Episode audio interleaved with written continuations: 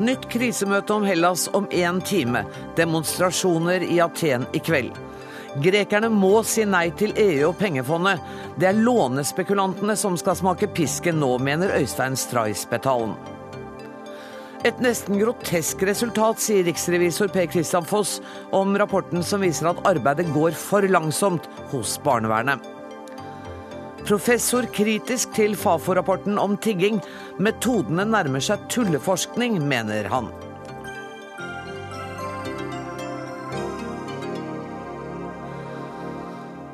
Dette er tirsdagsutgaven av Dagsnytt 18, der vi også skal minnes tragedien som rammet Roskildefestivalen for 15 år siden i dag.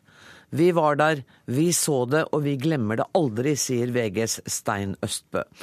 Men først skal det også i dag handle om Hellas. Ved midnatt i kveld løper låneprogrammet ut som Hellas har med EU. Ingenting tyder på at det vil komme noen løsning i siste liten.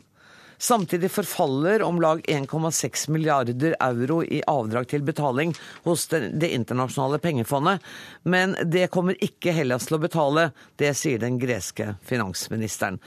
Europakorrespondent Åse Marit Befring, i går demonstrerte titusener i Aten mot at regjeringen går med på en avtale med EU.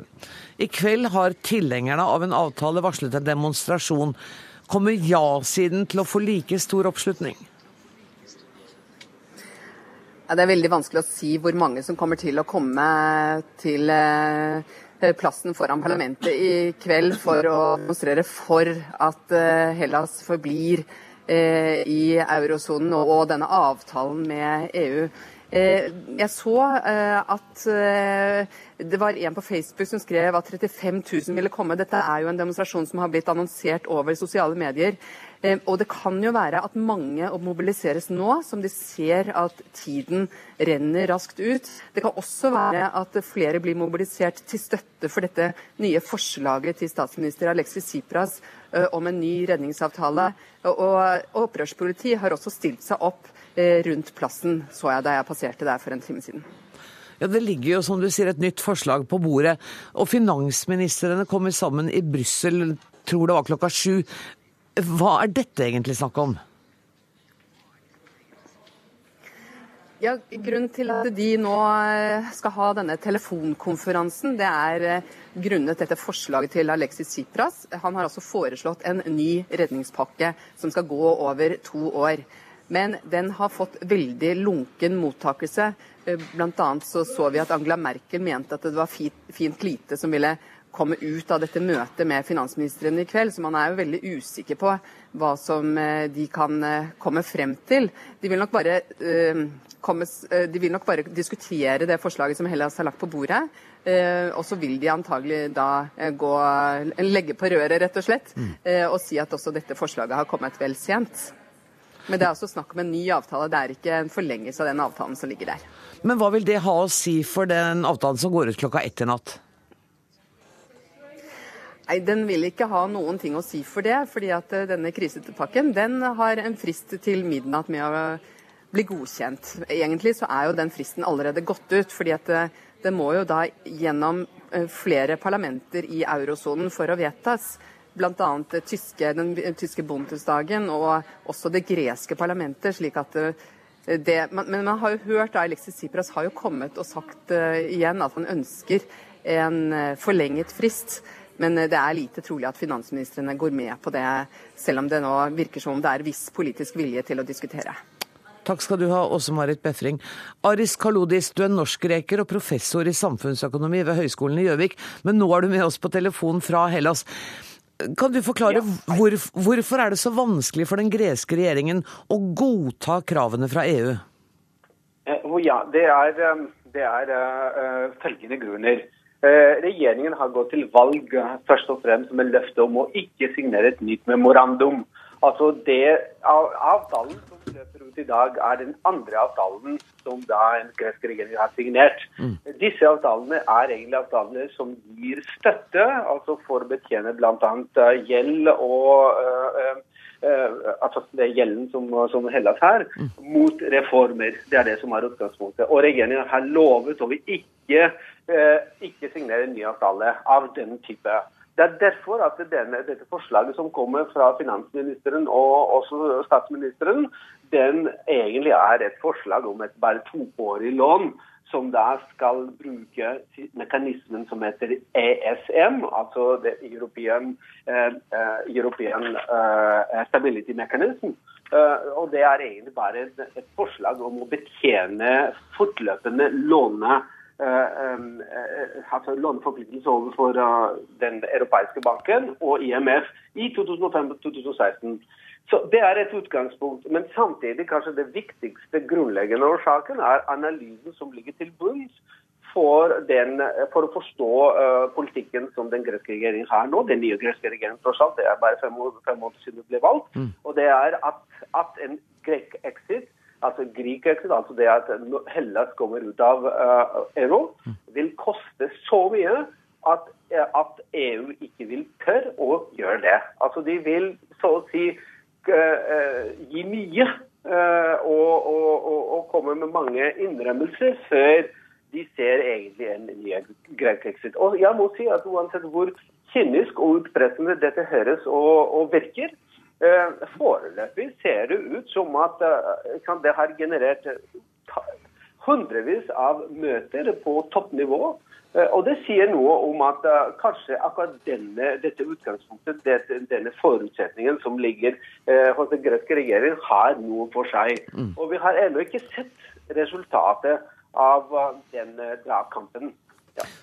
Hvis jeg skulle be deg spå om utfallet av folkeavstemningen på søndag, hva ville du sagt? Jeg vil si at det er sannsynligvis, altså ikke bare sannsynligvis, jeg er nesten sikker på at det blir nei. Og Det er flere årsaker til det. Det ene er selvfølgelig det som alle skjønner, at etter fem år den greske befolkningen er veldig lei. Mm. Også de vet ikke hva som er hovedårsaken. De er bare rett og slett lei, og de ønsker å ha en endring, uansett hvilken endring det er. Men det viktigste er også den heltemodige og rebelske retorikk som kommer fra den greske statsministeren, som er også ung og appellerer til veldig mange. Han er bare 40 år gammel. Appellerer blant, spesielt blant de som er faktisk lavt utdannet, og de som ikke har mye å tape, slik, slik de ser det. De med lave inntekter, uh, arbeidsledige, de unge. Uh, så, så, og det er klart at det er store, og ikke minst pensjonister, som ikke ønsker å få enda mer kutt av pensjonene sine. Mm. Så alt dette tilsier at spådommer, hvis det blir folkeavstemning, hvilket det ser ut som at det blir, da er det sannsynligvis uh, en nei. Og jeg tror faktisk det kommer til å bli en nei med stor margin. Ikke bare 55 men uh, mye større. Tusen takk skal du ha, Aris Kalodis, investor Øystein Strais Pedalen. Du håper vel at det skal bli et nei på søndag? Jeg tror utgangspunktet er følgende at vi ser nå resultatet av EU som en helt antidemokratisk organisasjon. Statsministeren i Hellas har nå lagt fram tilbudet for sine velgere og sin befolkning, og de skal ta det et ja eller nei. Det aksepterer ikke EU. De sier at ja eller nei skal komme før folkeavstemningen. Mm. Så de bryter alt som er av demokratiske rettigheter til landet i Hellas. Og svakheten som EU viser her, at et lite land, en liten økonomi som Hellas, kan kunne velte hele økonomien i eurosonen og valutasamarbeidet euro, det viser at euroen er en fiasko som bestemmes av de store landene, Tyskland og Frankrike. Jeg vil si én ting. Hellas gikk inn i to krisepakker i 2010-2012. De som hadde lånt Hellas, hadde tatt en sjanse fordi renten på gresk gjeld var høyere enn tysk gjeld. Det lå da ut rundt 200-250 milliarder euro, altså milliardbeløp, på private spekulanter rundt i Europa, i banksystemet og private spekulanter. De lånene ble overført til europeiske sentralbanken, som en av europeiske skattebetalere. Så spekulantene kom ut, og europeiske skattebetalere må nå ta støyten for den gjelden. Ser du noe som kan hindre at akkurat det skjer? Det eneste statsministeren i Hellas kan stå på, og greske befolkningen kan stå på, er følgende. De har tapt pengene sine. Vi vil ikke betale. For den krisepakken som kom i 2010, den har medført følgende. Et fall i bruttonasjonalproduktet på 25% og 60% av befolkningen under 30 år er arbeidsledig, og den fortsetter å stige. Olav Skjenn, du er senior porteføljeforvalter i Storebrand. Um, hører du Streis Betalen si at EU viser seg nå som antidemok den antidemokratiske organisasjonen der. Er du enig? Eh, på en måte, men eh, det, jo, det, hele har jo vært et spill. Og jeg vil si at kanskje Hellas ikke helt har fulgt spillets regler heller. Hvor de har kastet inn plutselig en folkestamning helt på tampen, og nå kommer med en uh, ny uh, pakke uh, i tolvte time. De kunne jo hatt folkeavstemning mye tidligere, for de visste jo allerede i våres at det her kommer til å dukke opp. Så de har spilt høyt med dårlig kort og nesten tapt, tror jeg. Men er det ikke EUs skyld at Hellas har så dårlige kort? Eh, nei, fordi Hellas over lang tid har brukt mer enn det de har produsert. Når noe eller et land eh, bruker mer enn det selv produserer, så vil det få et underskudd mot utlandet. Og det har staten Hellas eh, gjort. Så har de faktisk allerede fått halvert gjelden sin. Og resten av gjelden, eller mesteparten av resten av gjelden har de fått løfte over til ECB og eh, EUs skattebetalernes eh, regning.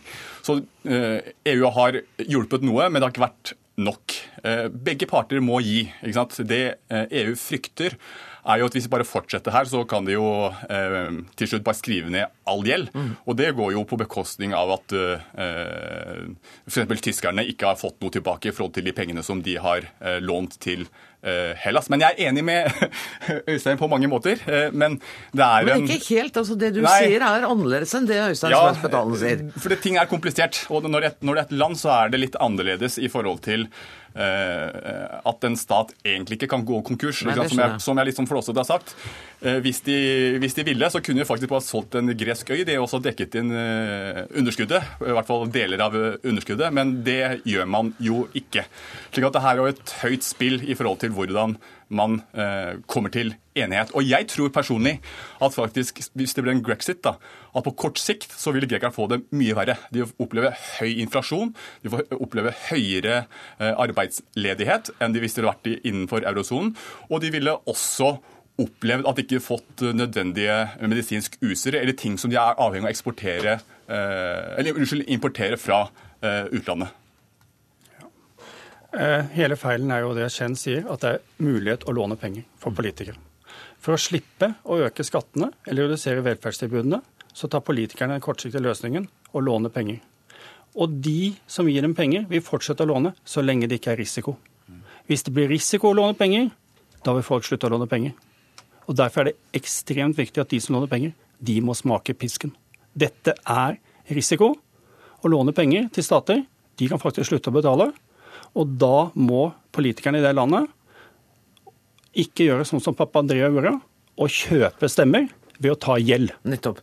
Men, men, det kommer jo ikke til å skje, for nå, blir det jo vanlige folk som uh, sitter med regningen. Nei, du kan si nei.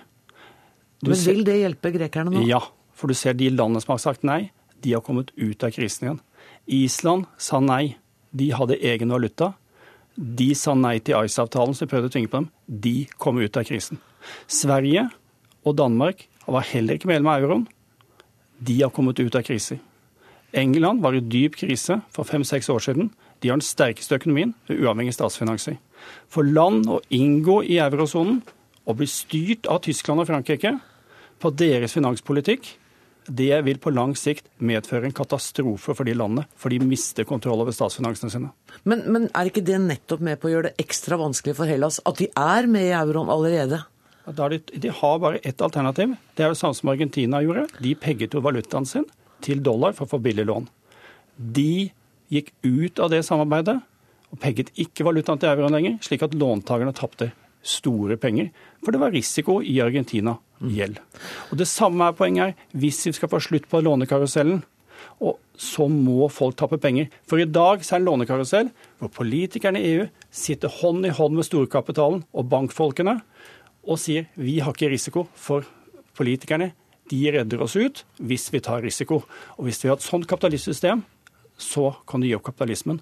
For det må være død i kapitalismen, hvis ikke så nytter det ikke. Men, men, er du enig med Ola Chen i at hvis det nå blir nei, og de trekker seg ut, at på kort sikt så vil situasjonen bli verre for grekerne? Kort sikt, det ble det på Island og alle andre land, på kort sikt. Men på lang sikt er den eneste løsningen. Den eneste løsningen er å si til de som har lånt deg penger, vi gidder ikke å betale. Dere, dere, har tatt risiko, kalkulert risiko. Den er ikke der lenger. De fremtidige generasjonene i Hellas er ikke interessert å betale for den risikoen som dere har tatt, og tidligere politikere har gjort. Sorry, dere har tatt pengene deres. Er du enig i den biten av analysen også? Jeg er helt enig at uh, etter finanskrisen så har spesielt sentralbankene og til dels også myndighetene uh, vært uh, for flinke til å ikke la bedrifter gå konkurs. ikke sant? At de har reddet ikke levedyktige firmaer. Og det ødelegger jo markedsmekanismene. Markedsmekanismen må funke for å eh, allokere kapital til der hvor man bør ha kapital. Og Sånn sett så har helt klart det som sentralbankene har gjort, eh, myndighetene har gjort etter finanskrisen, vært med på å eh, redusere disiplinen i markedene. Og på det punktet er jeg helt enig med Øystein, Øystein der. Da må vi bare avvente og se hva, hva folkeavstemningen på søndag sier. Og så følger vi spent med. Tusen takk for at dere kom til Dagsnytt 18, Øystein Straisbetalen og Olav Skien. Dagsnytt 18 alle hverdager klokka 18. På NRK P2 og NRK2.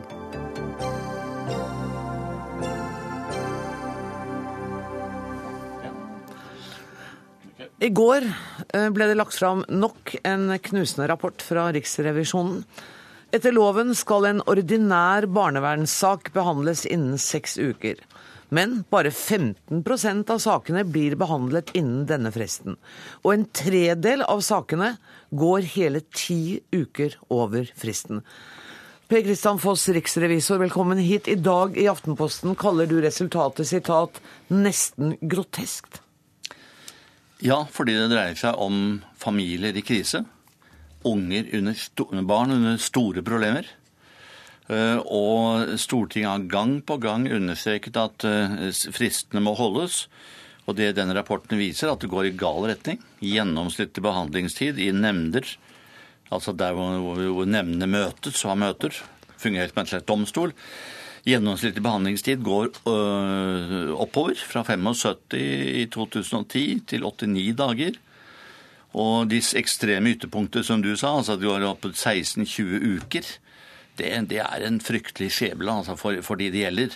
Kan du ikke si litt om hva slags saker øh, er det vi snakker om her? Dette er uh, i stor grad Dette vet damene mer om enn meg, men det er i stor grad Men du er jo riksrevisor, tross alt. Ja, ja, det er i stor grad tvangs, tvangstiltak. Okay, altså... Der hvor det er konflikt i familien, Nettopp. og hvor tiltak mot barn skal settes inn, og hvor det trengs megling. Eh, derfor har man oppnevnt disse tolv domstolslignende organene rundt omkring i landet. Som er fylkesnemndene. Som er fylkesnemndene, ja. ja. Og Det vi peker på, er bl.a. at det er så stor forskjell mellom nemndene. Enkelte nemnder gjør det ganske bra. Mm. Altså ingen når uh, lovens mål bare så de er fastslått. Eh, men eh, en del gjør det bra, andre gjør det veldig dårlig. og Dette er veldig varierende. og Vi peker på at eh, her kan departementet være litt mer fremoverlent eller aktiv. Og også den spesialenheten som skal samordne dette, har virkemidler for å samordne noe mer. Men det er domstoler, så de kan ikke kommanderes, for å si det sånn. De er selvstendige. Men det er så store forskjeller som jeg tror en del av landet har mye å lære av andre deler av landet osv. Altså best practice, som det heter. Nettopp. Lære av andre. Pernille Pettersen Smith, du er direktør for fylkesnemndene for barnevern og sosiale saker. Ti uker lengre behandlingstid enn det som er fristen. Kan dere leve med det? Først så vil jeg få lov til å si at dette er saker som er ufattelig viktig for de foreldrene og barna det gjelder. Slik at vi i fylkesnemndene er virkelig opptatt av å ha en eh, god og rettssikker saksbehandling. Så er det sånn at fra eh, to, denne, i den tidsperioden som eh, riksrevisor viser til, så hadde vi nesten 50 saksøkning og bare 30, noen og 30 ressurstilførsel. Og eh, da eh, ble det ventetid som er veldig beklagelig. Eh, nå har vi fått tilført ganske mye flere ressurser. Og bare eh, i det siste året og noen måneder så har vi gått ned med 20 dager gjennomsnittlig saksbehandlingstid.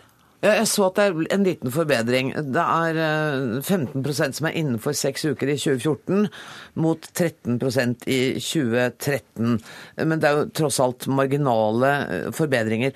Er den fristen på seks uker som Stortinget har sagt til behandlingstid i denne type saker, er den urealistisk? Aller først må jeg si at eh, det er ikke en frist på seks uker. Det er eh, gitt en eh, frist på å beramme forhandlingsmøtet innen fire uker fra saken kommer ut, hvis mulig. Så skal vi ha forhandlingsmøte. Det varer fra én til fem dager ettersom. Og så er det to ukers frist i loven for å skrive vedtak. Når vi skal sørge for at saken blir godt opplyst, at etter at eh, en begjæring kommer inn på kommunen for eh, eksempel omsorgsovertagelse omsorgsovertakelse av et barn, svært alvorlig begjæring om tiltak, så er det helt viktig at foreldrene får denne begjæringen, at de får oppnevnt sin advokat, at de får anledning til å snakke med advokaten sin, komme med sine bevis og komme med motargumenter. Og det er Er dere like opptatt av å ivareta ungens rettigheter her? Selvfølgelig. Det er eh, en god og riktig avgjørelse for barna, og alle avgjørelsene skal være til barnets beste. Det er hovedformålet i loven, og det jobber vi med så godt vi kan på en kvalitetsmessig god måte. Um, jeg vet ikke om jeg, har, om jeg har misforstått dette med seksukersregler, for jeg tror jeg tok det rett ut fra rapporten eh, Ja. din. Vel, eh, Loven sier at eh, møtet bør være berammet innen 28 dager. Nettopp. Og når vi intervjuer nemndenes ledere, så sier de alle at de mener dette er en urealistisk eh, tid. Og det er et problem at de som skal sitte og administrere departement, departementet og Stortingets vedtak, ikke mener det er mulig å gjøre det. Mm. Det er, da trenger de enten å gjøre noe med loven, det har vi ikke noe mening om, det er politisk ansvar, eller man trenger å få tilført ressurser eller jobbe mer aktivt. Og vi mener at det trengs både mer ressurser og at det er en eh, produktivitetsgevinst, for å bruke det litt sånn snåle uttrykket her, da. Eh, En, en mulighet for at mange av nemndene kan jobbe bedre og mer effektivt. Vi ser bl.a. veldig forskjell på eh, det er en såkalt adgang til forenklet saksbehandling, altså ikke nemndmøte i enkelte saker, hvor altså bare formannen som dommer avgjør saken. Mm. Noen nemnder har veldig stor andel dette, andre har nesten ingenting. Kanskje det- man kan bruke det mer? det kan man bruke mer. For det er, en, det er en rettsinstans som er sånn sett forsvarlig. Og jeg bare nevner, Du har helt rett til selvfølgelig at disse sakene er meget komplekse og vanskelige. Men det er jo en lang saksbehandling før det kom til nemndene i det kommunale barnevernet. Og det er mulig å se på sakens dokumenter og fatte en avgjørelse, mener mange av nemndene. Andre mener ikke det.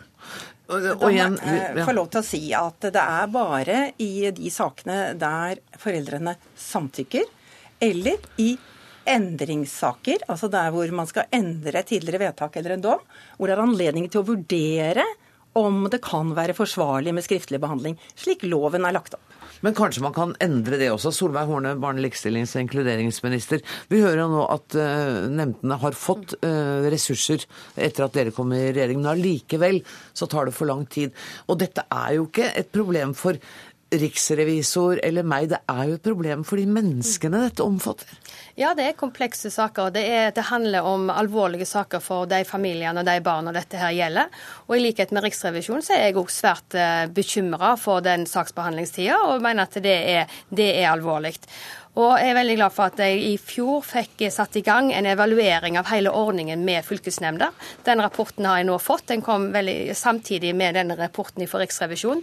Og vi viser at det er veldig mange sammenfattende eh, ut, Vi peker på utfordringer som okay. er veldig likt her. Så den rapporten du har bedt om, sier mye av det Ja, samme som riksrevisors? Så er jeg veldig klar på det at den riksrevisjonsrapporten som kom nå, den gjelder også fra 10 2010 til 2014. Og bare nå det siste året, så har, de siste fire månedene, så har saksbehandlingen òg gått ned for det at Stortinget har bevilget ekstra midler. Så vi er på rett vei, men jeg syns at det er for store forskjeller mellom eh, nemndene, og det jobber vi tett nå sammen med fylkesnemndslederen, og hadde senest møte i forrige uke for å gå gjennom både rapporten fra Riksrevisjonen og evalueringen for å se hva kan vi gjøre på kort sikt, lang sikt, og hva trenger òg ekstra midler på. Men statsråd, kunne man også tenke seg å, å følge riksrevisors lille idé, jeg skal ikke si at det var et forslag, eh, eh, nemlig å eh, gjøre loven forandre loven slik at det blir enklere med en forenklet behandling, altså flere ganger skriftlig behandling, hvor fylkesnemndslederen avgjør saken som dommer? Ja, Vi kommer nå til å gå inn og se på hva som vi kan gjøre for å forenkle saker, og hvordan vi kan få ned saksbehandlingstida. Men samtidig så har jeg lyst til å understreke det at ordinære saker i fylkesnemndene det er kompliserte saker. Det, eh, de alle, det er mange parter som skal inn, og foreldrene og barna skal bli hørt. Og vi ser jo det at eh, i denne evalueringsrapporten at den tilliten som foreldrene og barna har til fylkesnemndene er ikke så stor, for de forstår ikke prosessen. De forstår ikke hva som skjer, og de blir ikke hørt godt nok. Så det er jo noe som vi er nødt til å ta med oss inn i det arbeidet. Og så er dere nødt til å ta med dere det faktum at barnevernet er jo ofte utsatt for kritikk, urettmessig eller rettmessig, og at det skal dere også ivareta i forhold til disse familiene. Hvordan ja, gjør dere det? Nei, det, det, er veldig vanskelig. Vi er avhengig av at barnevernet har full tillit i, i Og det har de ikke alltid? Nei, det har de ikke. Men det viktigste arbeidet foregår ute i kommunene. Det ja, kommunene kan gjøre på forebygging, tidlig innsats, så du slipper å ha en, en, en omsorgsovertakelse. Men så må vi være sikre på at når vi da er, skal gjøre en omsorgsovertakelse, så må vi ha en fylkesnemnd som da har fått hørt alle, har sett på alle sakene, sidene ved saken og gjør den gode vurderingen. Og vi vet òg det at 60% av sakene i fylkesnemnda blir òg anka videre til domstolen. Eh, og vi har òg nå satt ned et lovutvalg som skal se på om vi skal vurdere en opprettelse av en familiedomstol, som òg kan, kan, være med å hjelpe på dette. Jeg tenkt å la riksrevisor få siste ordet. Det er bra med et lovutvalg, men det tar tid. Slik at dagens system med fylkesnemnder kommer til å vare minst i, i to-tre år til. Mm. I mellomtiden må noe gjøres. Vi peker bl.a. på ett råd. Og det er at man mer eh, hensiktsmessig kan finne et system for å utveksle personell mellom nemndene. Mm. For vi ser at enkelte nemnder får en opphoping av saker, ikke klarer å få de, få de unna, mens andre nemnder har lite å gjøre. Men, og Her er det mulighet for å være litt fleksibel. Ja, men det var jeg lyst til å si at Vi har nettopp fått på plass en jurist som skal altså turnere mellom nemndene, og ikke akkurat turnere det rette ordet, men som skal også hjelpe de nemndene som har flere saker, til å få ned eh, saksbehandlingstid. Vi er på rett vei. Det er veldig bra. Si at er det er veldig kort tid at det har vært en felles administrasjon av de tolv nemndene, og at vi har en stor grad av sakshjelpsutveksling mellom de tolv nemndene, og at vi er på god vei med det riksrevisor og statsråden her foreslår. Takk skal dere ha, alle tre. Vi har mange. Takk skal dere ha til Kristian Foss, Solveig Horne og Pernille Pettersen.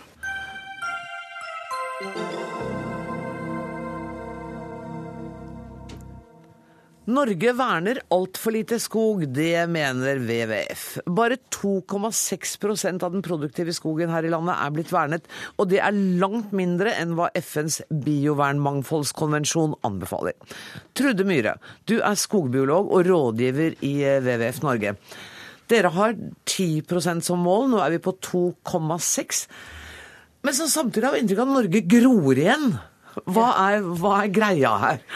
Her er det greit å holde de to sakene for, hver for seg. Det ene er at det vokser mye i ungskogen, og det vokser igjen i kulturmark. Ja. Mens i gammelskogen så er det lite skog igjen. Vi har veldig lite gammelskog, samtidig som det vokser i ungskogen.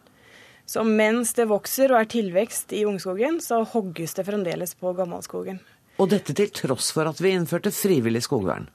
Ja, eh, selv om vi har eh, økt skogvernet litt i det siste, så er det fremdeles de gamle skogområdene som det hogges på. Og det er der det også er flest truearter og, og mest skog som vi bør verne. I ungskogen så er det ganske mye av skogen vår er gjort om fra, fra gammel naturskog og til, eh, gjennom flathogst til granplantasjer, og der er det lite liv. Går du inn i en sånn type skog, så er det for det første det ganske mørkt. Det er ganske trist, og det er veldig stille. Du hører ikke en fugl. Du ser ikke noen insekter som fuglene kunne spist, og du ser ikke noe mose og lav som insektene kunne levd i. Så det er en ganske død skog sammenligna med en gammel naturskog, som yrer av liv og har mangfold i alle mulige forskjellige farger og størrelser. Hva er det vi snakker om her som tiltak? Er det penger? Det er rett og slett penger. Eh, alle er enige om skogvern, som eh, Skogeierforbundet pleier å si i budsjettkonferanser på Stortinget. Det eneste vi mangler, er penger. Så hele skognæringa eh, går med på frivillig vern, så lenge det er frivillig og skogeier får lov å velge sjøl hvilke områder som skal vernes. Og næringa ønsker det. Eh, skogindustrien ønsker mer vern, for de har et press på seg fra utlandet om å levere bærekraftig tømmer. Og jo flere saker det er med, der vi avslører hogst i skog som ikke burde vært hogd, men burde vært verna, jo vanskeligere blir det for norsk industri.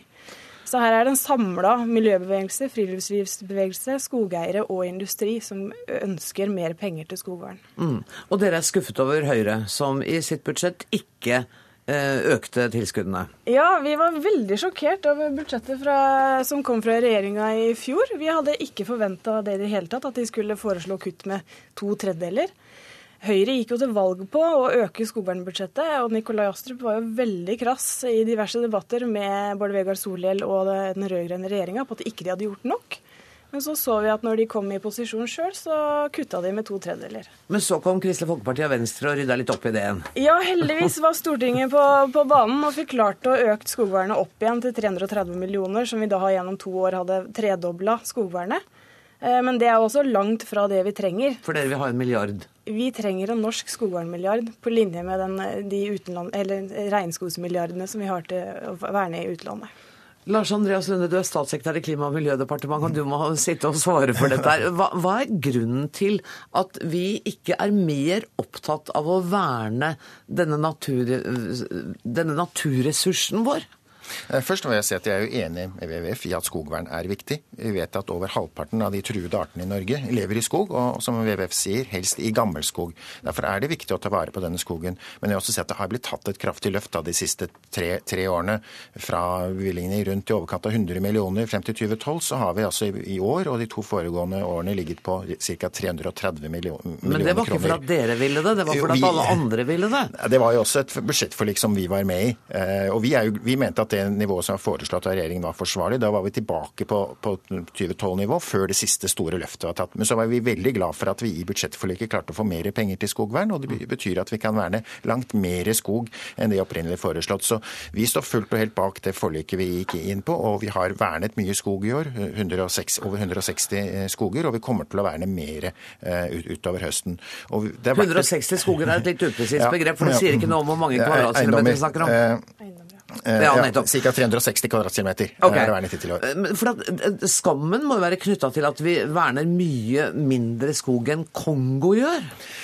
Nå må man jo se litt på innholdet i skogen. Jeg kjenner ikke til kvaliteten på skogvernet i, Kongo, men vi vet at mange land såkalt verner områder, og så tillater de både gruvedrift og litt av hvert. I Norge så verner vi skogene kun som naturreservat etter naturmangfoldloven. Det er den strengeste verneformen i Norge, hvor man nesten ikke får lov til, til å gjøre noen ting. Så vi må ikke bare her se oss blind på, på tallene, men også kvaliteten i det vernet. Men er du enig med Trude Myhre at målet bør være 10% Nei, Jeg vil ikke tallfeste meg til noe mål, men, men, regjeringen kommer til å verne mer i skog. Kommer til å bli, kom, øke ytterligere de 2,6 prosentene, men, men, jeg kan ikke uh, her love noe fast prosent, uh, noe prosenttall. Jeg tror det viktigste er at vi verner den skogen som er viktigst å verne, uh, hvor de viktigste naturverdiene er, og også et representativt utvalg. Trude Myhre, er du fornøyd med signalene fra departementet nå? Jeg er veldig glad for at uh, departementet ønsker å verne mer skog. Men uh, som vi kjenner dem nå, så ser det ut til at det går altfor sakte. Som Dagsavisen skrev her om dagen, så går jo skogvernet i Norge i sneglefart. Jeg hadde nylig besøk av en uh, WWF-kollega fra Kongo. Ja, som... det var det. Og han jeg refererte til, ja. For det leste jeg i Klassekampen, at det hadde du hatt besøk av. Ja, Dagsavisen. Ja, dags... Unnskyld, Dagsavisen var det. Der uh, han møtte, Jeg møtte han for 15 år tilbake i Norge. Og da var det Han var ganske sjokkert da, for da hadde vi verna bare 1 av norske skogen. Da var det Arbeiderpartiet og Siri Bjerke som satt ved roret på Miljødepartementet. Han var like sjokkert nå over å komme tilbake 15 år etter og se at Norge hadde økt skogvernet så lite mens de i, i Kongo hadde økt skogvernet til 11% og har vedtatt et mål om 17% skogvern. Hva skjer hvis vi ikke blir flinkere til å verne skogen? Problemet er jo aller størst for de artene som er tilknytta gammel skog, og som trenger gamle trær og døde trær, og døde trær som får lov å ligge og råtne på bakken i ulike stadier, nedbrytningsfaser. Veldig mange av de eh, Lars Andreas Lunde sa at eh, halvparten av de utrydningstrua artene er lik i gammelskog. Og de artene forsvinner når vi hogger ned skogen og, og, planter den på nytt og hogger den igjen før den rekker å bli gammel.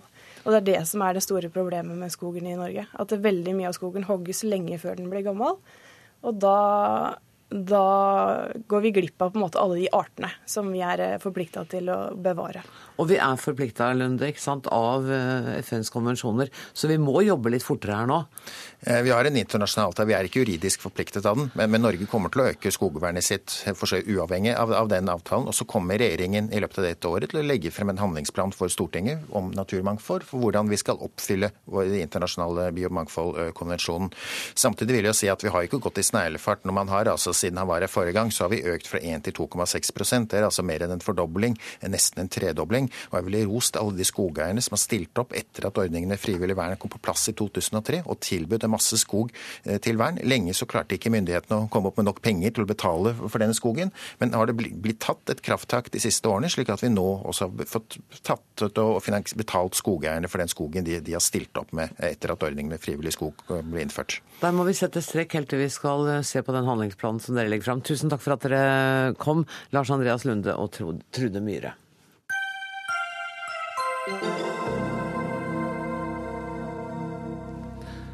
Vi forhandler aldri med terrorister, det har amerikanske presidenter sagt eh, klart og tydelig i flere tiår. Men nå har Barack Obama reversert denne linjen i amerikansk antiterrorpolitikk. Den amerikanske regjeringen skal nå kunne forhandle med dem som holder amerikanske statsborgere fanget, og eventuelt støtte familiemedlemmer som gjør det samme. President Obama har også bestemt at regjeringen ikke lenger vil true med å reise sak mot familier som betaler løsepenger for å få frigitt slektninger som er tatt som gisler i andre land. Sikkerhetspolitisk forsker Anders Romarheim, du har sagt tidligere at det Obama nå gjør er oppsiktsvekkende. Hvorfor det? Det er fordi det har vært en, på en måte et varemerke med amerikanernes eh, tilnærming her. Å bare blankt avvise og i det hele tatt forhandle og snakke snakke med terroristene. Og eh, John Boehner, som er eh, eh, speaker i Representantenes hus, han sa jo da at dette her reverserer en 200 år gammel linje. Om det er helt presist sagt, det, det er nå så. Men her, her, har man begynt å ta inn familiehensynet mye sterkere, og, og det er oppsiktsvekkende utvikling for amerikansk terrorbekjempelse. Tove Bjørgaas, du er NRKs USA-korrespondent. Hvorfor gjør president Obama dette? Han gjør det eh, ikke minst pga. press eh, og, og, klager fra familier som har mistet sine journalister og hjelpearbeidere og andre til f.eks. IS, som har vært holdt som gisler i, i Syria, og Irak og Afghanistan. Eh, de føler at de har blitt direkte dårlig behandlet av amerikanske myndigheter, og at de altså er blitt straffeforfulgt fordi de eh, føler at amerikanske myndigheter ikke har gjort nok, og da i desperasjon har, har skrapt sammen penger til løsepenger for, for sine. Men har, har, har, det vært eksempler på at familier er blitt straffeforfulgt fordi de selv har betalt penger til gisseltakerne? Prosessen har iallfall vært påbegynt. Foreldrene til eh, Jim Foley, ja. som ble drept og var holdt av IS, eh, har vært ute i mediene flere ganger, både i forbindelse med at Obama kom med dette i forrige uke, og også før. Eh, og, og, og, beskrevet den behandlingen de har følt, hvordan de følte seg mistenkeliggjort, men hvordan de altså var til slutt desperate fordi de følte at de ikke fikk hjelp fra amerikanske myndigheter. Kan du si litt om eh, hvordan denne nye linjen til president eh, Obama vil endre den amerikanske måten å håndtere gisselsituasjoner på? Nå, som, som, det blir sagt her igjen, de forhandler ikke med, med terrorister. USA vil i hvert fall alle betale løsepenger direkte sier de fortsatt til, eh, til f.eks. IS.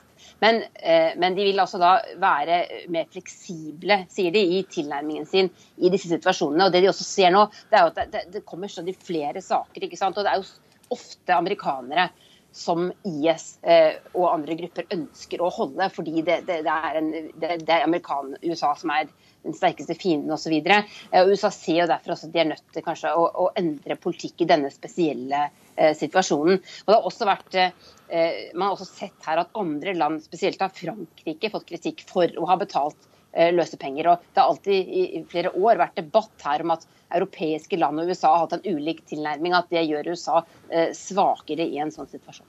Um, vær med oss fortsatt, uh, Tove. Jeg skal bare høre med Anders Romarheim. Har det gjort USA svakere at vi har hatt en annen holdning enn Europa? De har på en måte blitt skadelidende, eh, fordi det er, en interessant sak her som eh, jeg bl.a. har forska noe på, og det går på det som kalles kollektiv irrasjonalitet. Og det er enkelt og greit at for den enkelte tilfelle, den enkelte familie, så lønner det seg å betale seg ut av knipa. Eh, men hvis alle gjør det, så vil du få en inflasjon i eh, gisseltaginger. Og løsepengene vil bare gå opp og opp ettersom flere og flere gisler blir tatt. sånn at Obama er jo klar på å si at man skal være forsiktig med å gjøre dette. Eh, og, og utbetale penger. For USA har jo rett og slett betrakta det som finansiering av terror. Eh, for du har, jo, da, og det er det kanskje også? Og det er det i en viss forstand. Sånn at det er finansiering av terror på den ene side ved å betale, mm. og hensynet til at du kanskje må da akseptere at det går amerikanske liv tapt på den andre siden. Ja, og så har da det som har skapt den store gnisningen den siste tida, har jo vært at det har vært så vidt mange tilfeller med ulik behandling. Og det er den ulike behandlingen som blir eh, ekstrem. For tenk deg da at staten lener seg tilbake og sier til en familie nei, vi forhandler ikke med terrorister, dere får ingen støtte. Og så oppdager de senere at andre familier, der var FBI inne og sa de hadde noen på bakken som kanskje kunne få, få dradd fram en eller annen rar løsning ut av hatten. Det er jo helt grusomt for de familiene som da føler at de og deres kjære blei satt som eksempler for en tøff linje mot, eh, mot terrorister, og så mista de en sønn eller datter, eh, kone eller mann. Hvis jeg kan komme inn der ja, igjen, så, så er et annet eksempel som kan belyse det eh, Anders Romøy snakker om nå, er eh, denne Bård Bergdal-saken. Dere husker kanskje den eh, soldaten som amerikanske spesialstyrker friga i Afghanistan, som det senere viste seg at trolig var desertør. Da han ble frigitt, så, så skjedde det etter at USA hadde frigitt fem Taliban-fanger. Mm. Så Det er en annen prosedyre de kan komme til å bruke nå. Men den saken fikk også kritikk for hvorfor skulle han få hjelp når andre ikke fikk det. ikke sant? Så det er det det handler om. Ja, Det er jo de vanskelige dilemmaene president Obama nå tydeligvis prøver å rydde litt opp i. Men Tove, hvordan er reaksjonen i USA på det som har skjedd? Eh, jeg tror mange forstår eh, hvilken desperat situasjon disse familiene er i. Eh, men samtidig så er det mange patrioter her som folk liker å kalle seg, som opplever at USA skal ha sterkere prinsipper enn andre land. og at vi at vi altså ikke skal forhandle med terrorister. Eh, og Obama har jo tidligere fått kritikk for å være unnfallende og ikke være hard nok overfor IS osv. Eh, så Så kritikken går litt begge veier her. Men jeg tror blant altså, vanlige mødre og fedre som, for, som, ser hvilken situasjon disse uh, familiene har vært i, så, så, forstår man kanskje at man føler seg urettferdig behandlet, og at det kanskje trengs en viss uh, fleksibilitet. Tusen takk for at dere kom til Dagsnytt 18, Anders Romheim og Tove Bjørgaas. Hør Dagsnytt 18 når du vil. Radio NRK.no.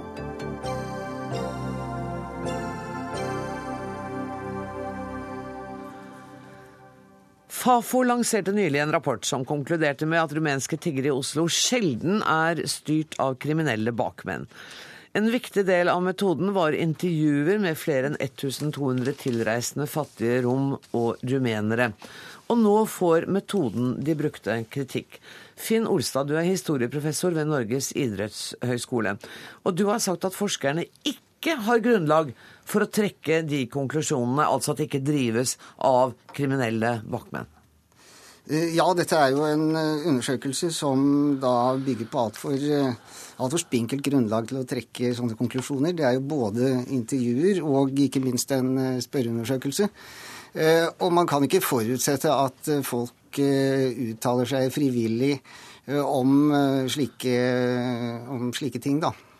Det gjelder jo uansett hvilken gruppe man spør, om man har kriminelle bakmenn i ryggen. Men det kommer ikke det litt an på intervjusituasjonen og hva slags forhold intervjueren får til den som intervjues?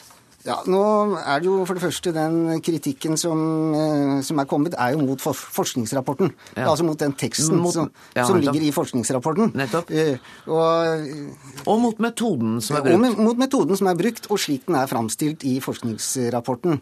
Eh, og det er jo og det er jo på det grunnlaget som kritikken er kommet. Og, noe av kritikken din uh, knytter du til at det er blitt brukt penger her, altså honorering? Nei, det er, det er, ikke så mye pengene egentlig. Men det er jo en helt en veldig spesiell og irregulær metode som er brukt. Det er, jo, ja, det, er jo en, altså det er en unntaksmetode som man da har brukt for å få tak i, i grupper som ikke vanligvis en sånn forsknings... Eh, vanlige forskningsmetoder fanger opp. Men hvorfor det, er det kritikkverdig? Nei, Det er ikke kritikkverdig i seg selv å gjøre det. Men altså, når man har en metode som jo er såpass ekstraordinær, så krever det også at man er ekstraordinært forsiktig i sine konklusjoner.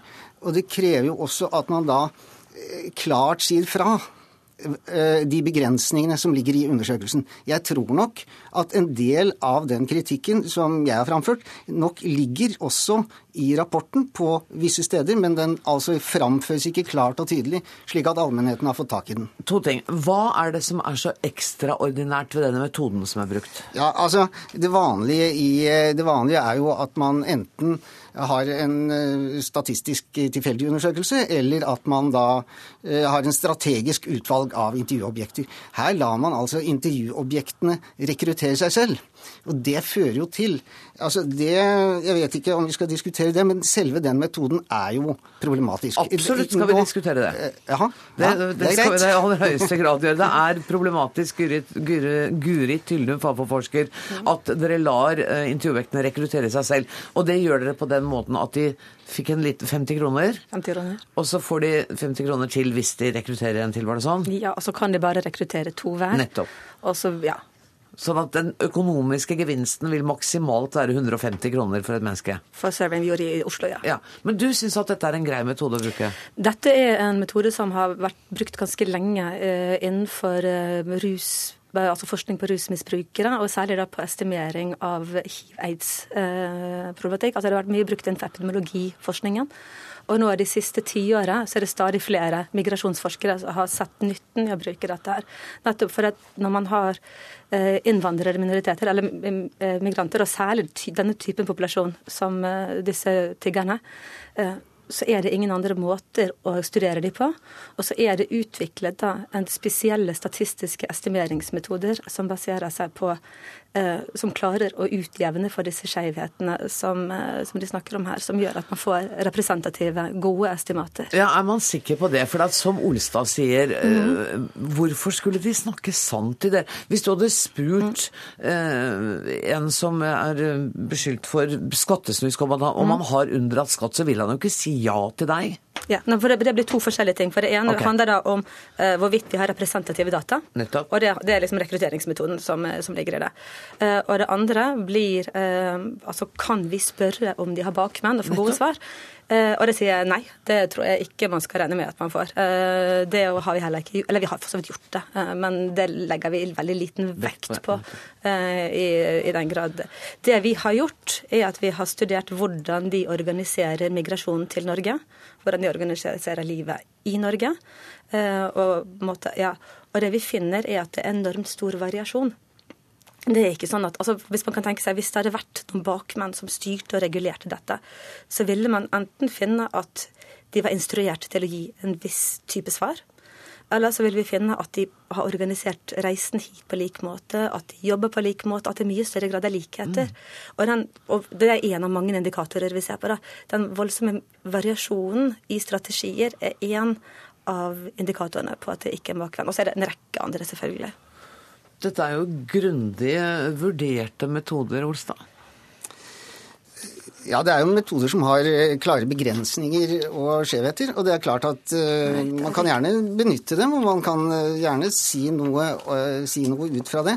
Men man kan altså ikke konkludere med, sånn som det er blitt gjort, at nå er eh, diskusjonen kan avblåses, eh, forskerne har talt, og sannheten er kommet på bordet. Det er litt for naivt. Og jeg sier ikke at forskerne i grunnen har gjort det, det er jo mediepresentasjonen. Men jeg syns nok også at forskerne her i sin rapport eh, har lagt eh, litt for liten vekt på å få fram de begrensningene eh, som, som ligger i datainnsamlingen og eh, materialet. Ja, du, du, du har vel sagt mer enn det et lite øyeblikk du skal få ordet. For at du sier jo i den artikkelen som jeg leste, at dette nærmer seg tulleforskning. Og det er det ikke journalistene som eh, har stått for. Da viser du til den rapporten de har skrevet. Det, det, det er jo faktisk bare et par eh, det er jo faktisk bare et par linjer. Jeg, kaller ikke rapporten i Nei, seg selv for tulleforskning. men Men, det, altså, det er en, et resonnement her som går ut på uh, noe sånt som at uh, siden eh, man da mener å kunne fastslå at uh, disse personene eh, forholder seg sannferdig til eh, virkeligheten, så gjelder det også spørsmålet om kriminelle bakmenn. Altså, det blir litt enkelt at man slutter fra relativt dagligdagse ting til et såpass kontroversielt spørsmål. Tulleforskning, Guri Tillum. Ja, det Jeg tenker at Man skal ikke vurdere forskningsmetodene ut fra hva som eventuelt havner på headlines på, på internettavisene. Det, men det havna ikke på headlines på internettavisene. Nei, men, var ja, ja, ja, ja, det altså hans, hans formuleringer. For hvis man ser på det, altså for det første, og da må vi igjen skille mellom de to tingene. altså Metoden som er brukt, er en internasjonalt anerkjent metode som er publisert masse måte, eh, internasjonale publikasjoner på det. Det er en anerkjent, statistisk utviklet metode som gir stor varians, men eh, gode måte, estimater. Man kan vurdere kvaliteten av hvert enkelt estimat, noe vi også gjør. Vi har et stort metodeappendix bak. Når det gjelder hvorvidt vi kan stole på det de sier når det gjelder bakmenn, så er det jo ikke det vi har gjort. Nei, og det er det vi sier igjen og igjen. Det er altså hele analysen og det å trekke i tvil de analysene. altså Der har jo igjen vi lang erfaring fra å jobbe med spørsmål rundt menneskehandel, organisering. altså Vi har gjort studier tidligere på organisering på, i prostitusjonsfeltet, og funnet helt andre ting og pekt på andre organiseringsmekanismer. Altså Vi vet jo hvordan dette ser ut. Eh, og dermed så er det jo ganske provoserende å bli kalt for tulleforskere når vi har såpass mange internasjonale publikasjoner på dette. Og dere er heller ikke naive. Jeg må sette strek der og si tusen takk for at dere kom, Finn Olstad og Guri Tyldum.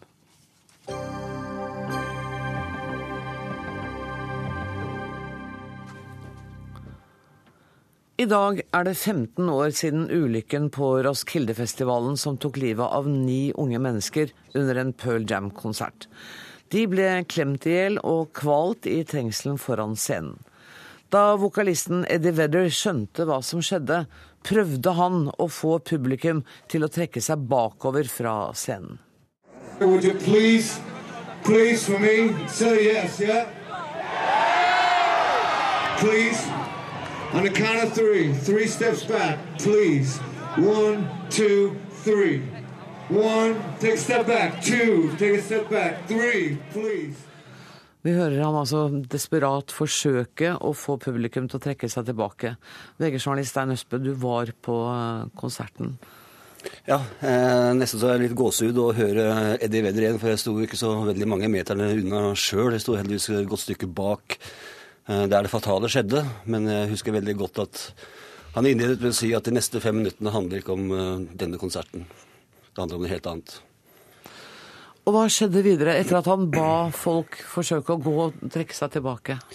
Da skjedde det at eh, da hadde musikken allerede stoppa. Eh, Lyset hadde gått på fra scenekanten, men lysene på selve arenaen på festivalplassen ble, ble slått på. Og så er det jo da fra en videoskjerm hvor du ser at det er et fullstendig kaos. Du hører skrik og rop, og når du står litt lenger bak, så forstår du ikke helt med en gang hva som skjer. At det skjer noe alvorlig der framme, det, det var det ingen tvil om. Hva ble gjort i det kaoset? Eh, Hva som skjedde med Ja. Nei, det er jo veldig mange teorier om det. Men eh, det var helt klart at det var veldig fullt der fra før konsert, eh, konserten starta. Det var bevegelse i, i massene. Eh, Og det var eh, helt framme i moshpiten, som det kalles, så, så var det en del crowdsurfing og en del bevegelse. Det ble trangt. Til slutt så Crowdsurfing tror jeg nesten du må forklare. Hva sa du? Crowdsurfing. Crowdsurfing er når eh, du blir løfta opp, og kroppen din da blir ført opp langs publikumsmassene med hendene til de andre publikummerne. Eh, I disse tumultene så faller det folk. Det faller grupper med folk oppå hverandre. Armer og bein eh, vikles inn i hverandre. De kommer ikke opp, rett og slett. Eh, Det kan ha vært glatt foran der, for det regna jo ganske mye den dagen. Og det som skjer da, er at det oppstår lommer, oksy- oksygenfrie lommer. hvor de gutta som da ikke kommer seg opp, de rett og slett kvedes. Hvordan reagerer Eddie Vedder når han skjønner at det, det hjelper ikke det han sier? Da bøyer han hodet i hendene og gråter. Det ser vi fra, fra skjermen. Eh, og det er det siste jeg ser, for da blir bandet trukket tilbake. Og storskjermen blir svart. Eh, lysene går. Vi eh, går tilbake til presseområdet for å prøve å få oversikt over hva som har skjedd, men det var jo hele kvelden, hele natta, hele morgenen etter var det komplette kaoset. Mobilnettet var nede, altså ingen visste noe, ingen hadde informasjon. Heller ikke Roskilde-ledelsen hadde nok informasjon. Så eh, det var det komplette eh, galskap og kaos. Mats Borch Bugge, du er musikksjef her i P3 i dag, men, men du jobbet på Roskildefestivalen da ulykken skjedde. Hvordan opplevde du ulykken? Nei, Det var jo en bekmørk eh, kveld og natt eh, og dagen derpå i Roskilde-historien. Jeg jobbet der noen år og, og holdt til da på det som het uh, Musikkontoret, som lå rett bak den oransje scenen der Pearl Jam spilte. Så um, det, var, uh, det var da som, uh, som Stein sier Sånn at konserten ble avlyst, så skjønte vi at, at dette var alvorlig. Og så forsvant da daværende festivalsjef Leif Skov bak og opp på scenen. Eh, og eh, i timene som fulgte, så har jeg ikke veldig klare minner, eh, egentlig. Fordi det, det var så mm, hektisk av Det var en voldsom kø inn til kontoret hele natta, egentlig, med både både journalister som ville vite, få informasjon om hva som skjedde, og politi og sykepersonell, og ikke minst da Eh, familie og venner av folk som, eh, som ikke var dukket opp da, eller funnet. Så det var en, en natt i uvisse. og Masse tårer og rett og slett helt uh, forferdelig. Og så må det jo ha tatt litt tid både å finne ut hvor mange som var døde, og hvem de var? Ja, det, det var en jobb som, som ble gjort i Altså ikke av meg, men, uh, men uh, vi, vi, fikk vel eh, det første tallet uh, som sa at det var fem som var drept. Og så var det jo da en voldsom usikkerhet fordi man da antok at dette kunne være svært mye høyere. Mm. Og det ble også da nesten doblet. Men ut fra forholdene så, så tenker jeg at Eh, det var mange som overlevde, som kanskje ikke ville gjort det hvis man ikke var eh, eh, raskere ute med å få trukket publikum bakover fra scenen. Og I ettertid så har festivalledelsen fått mye kritikk bl.a. for at de kritiserte artister som avlyste, og Pearl Jam mente at de ble informert for sent og derfor ikke stoppet konserten før. Hvordan, hvordan ble det taklet?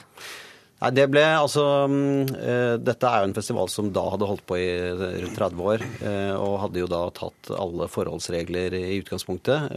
Og ble ansett for å være en ekstremt veldrevet festival, som det jo er den dag i dag. Så det er klart Det Leif Skov, som da var festivalsjef, var opptatt av, var at det ble gjort tiltak da året etter, mm. og at det ble gjennomført en verdig minnesmarkering, som var veldig veldig flott eh, året etter. Eh, og eh, gjorde da noen tiltak med hensyn til crowdsurfing, som gjorde at man ble sluset inn i et område foran scenen, og at det var mer luft mellom publikummerne. Og det er jo noe veldig mange andre festivaler også har tatt etter. Ja. Den, ja. så, så, det er tiltakene som blir gjort. Og så har festivalen vært opptatt av at festivalen skal driftes normalt i kjølvannet av dette her, og at det ikke skal på en måte fargelegge festivalen annet enn at noen sikkerhetstiltak ble gjennomført. da. Stein Østbø, i morgen braker det løs igjen. Mm. Er du på vei til Danmark? Eh, det er litt ironisk, fordi det er jo jobben som har ført til at jeg har vært på 20 over det eh, Roskilde-festivaler. Denne gangen så er det jobben her hjemme i Oslo som gjør at, som hindrer meg å dra ned til Roskilde, så jeg blir hjemme i år, faktisk. Men hvordan har det vært for deg å være tilbake?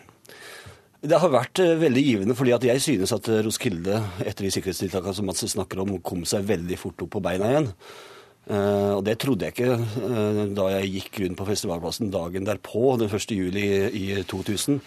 En veldig veldig stille, merkelig seanse, men også på mange måter vakkert. Fordi at uh, allerede da så du det Roskilde, den oransje feeling som det slagordet handler om, nemlig det å ta vare på hverandre. Og den fellesskapstanken som Roskilde alltid har vært så kjent for, den var gjenskapt faktisk allerede året etter og har vart helt fram til i dag. Så Roskilde kommer til å leve i mange mange, mange år ennå. Ja, det håper jeg virkelig. Um, dere skal ha tusen takk for at dere kom hit. Du har skrevet uh, sterkt og bevegende om det i dag uh, også. Tusen takk også til deg, Mats Borch Bugge. Det gjenstår bare bli sittende, bare, kan ikke det bare sitte her mens jeg avslutter? For jeg må også vanlig fortelle hvem det er som har vært ansvarlig for denne sendinga. Og i dag var det Elisabeth Onsum. Det tekniske ansvaret er det Frode Thorshaug som har. Jeg heter Anne Grosvold og ønsker dere en riktig god kveld.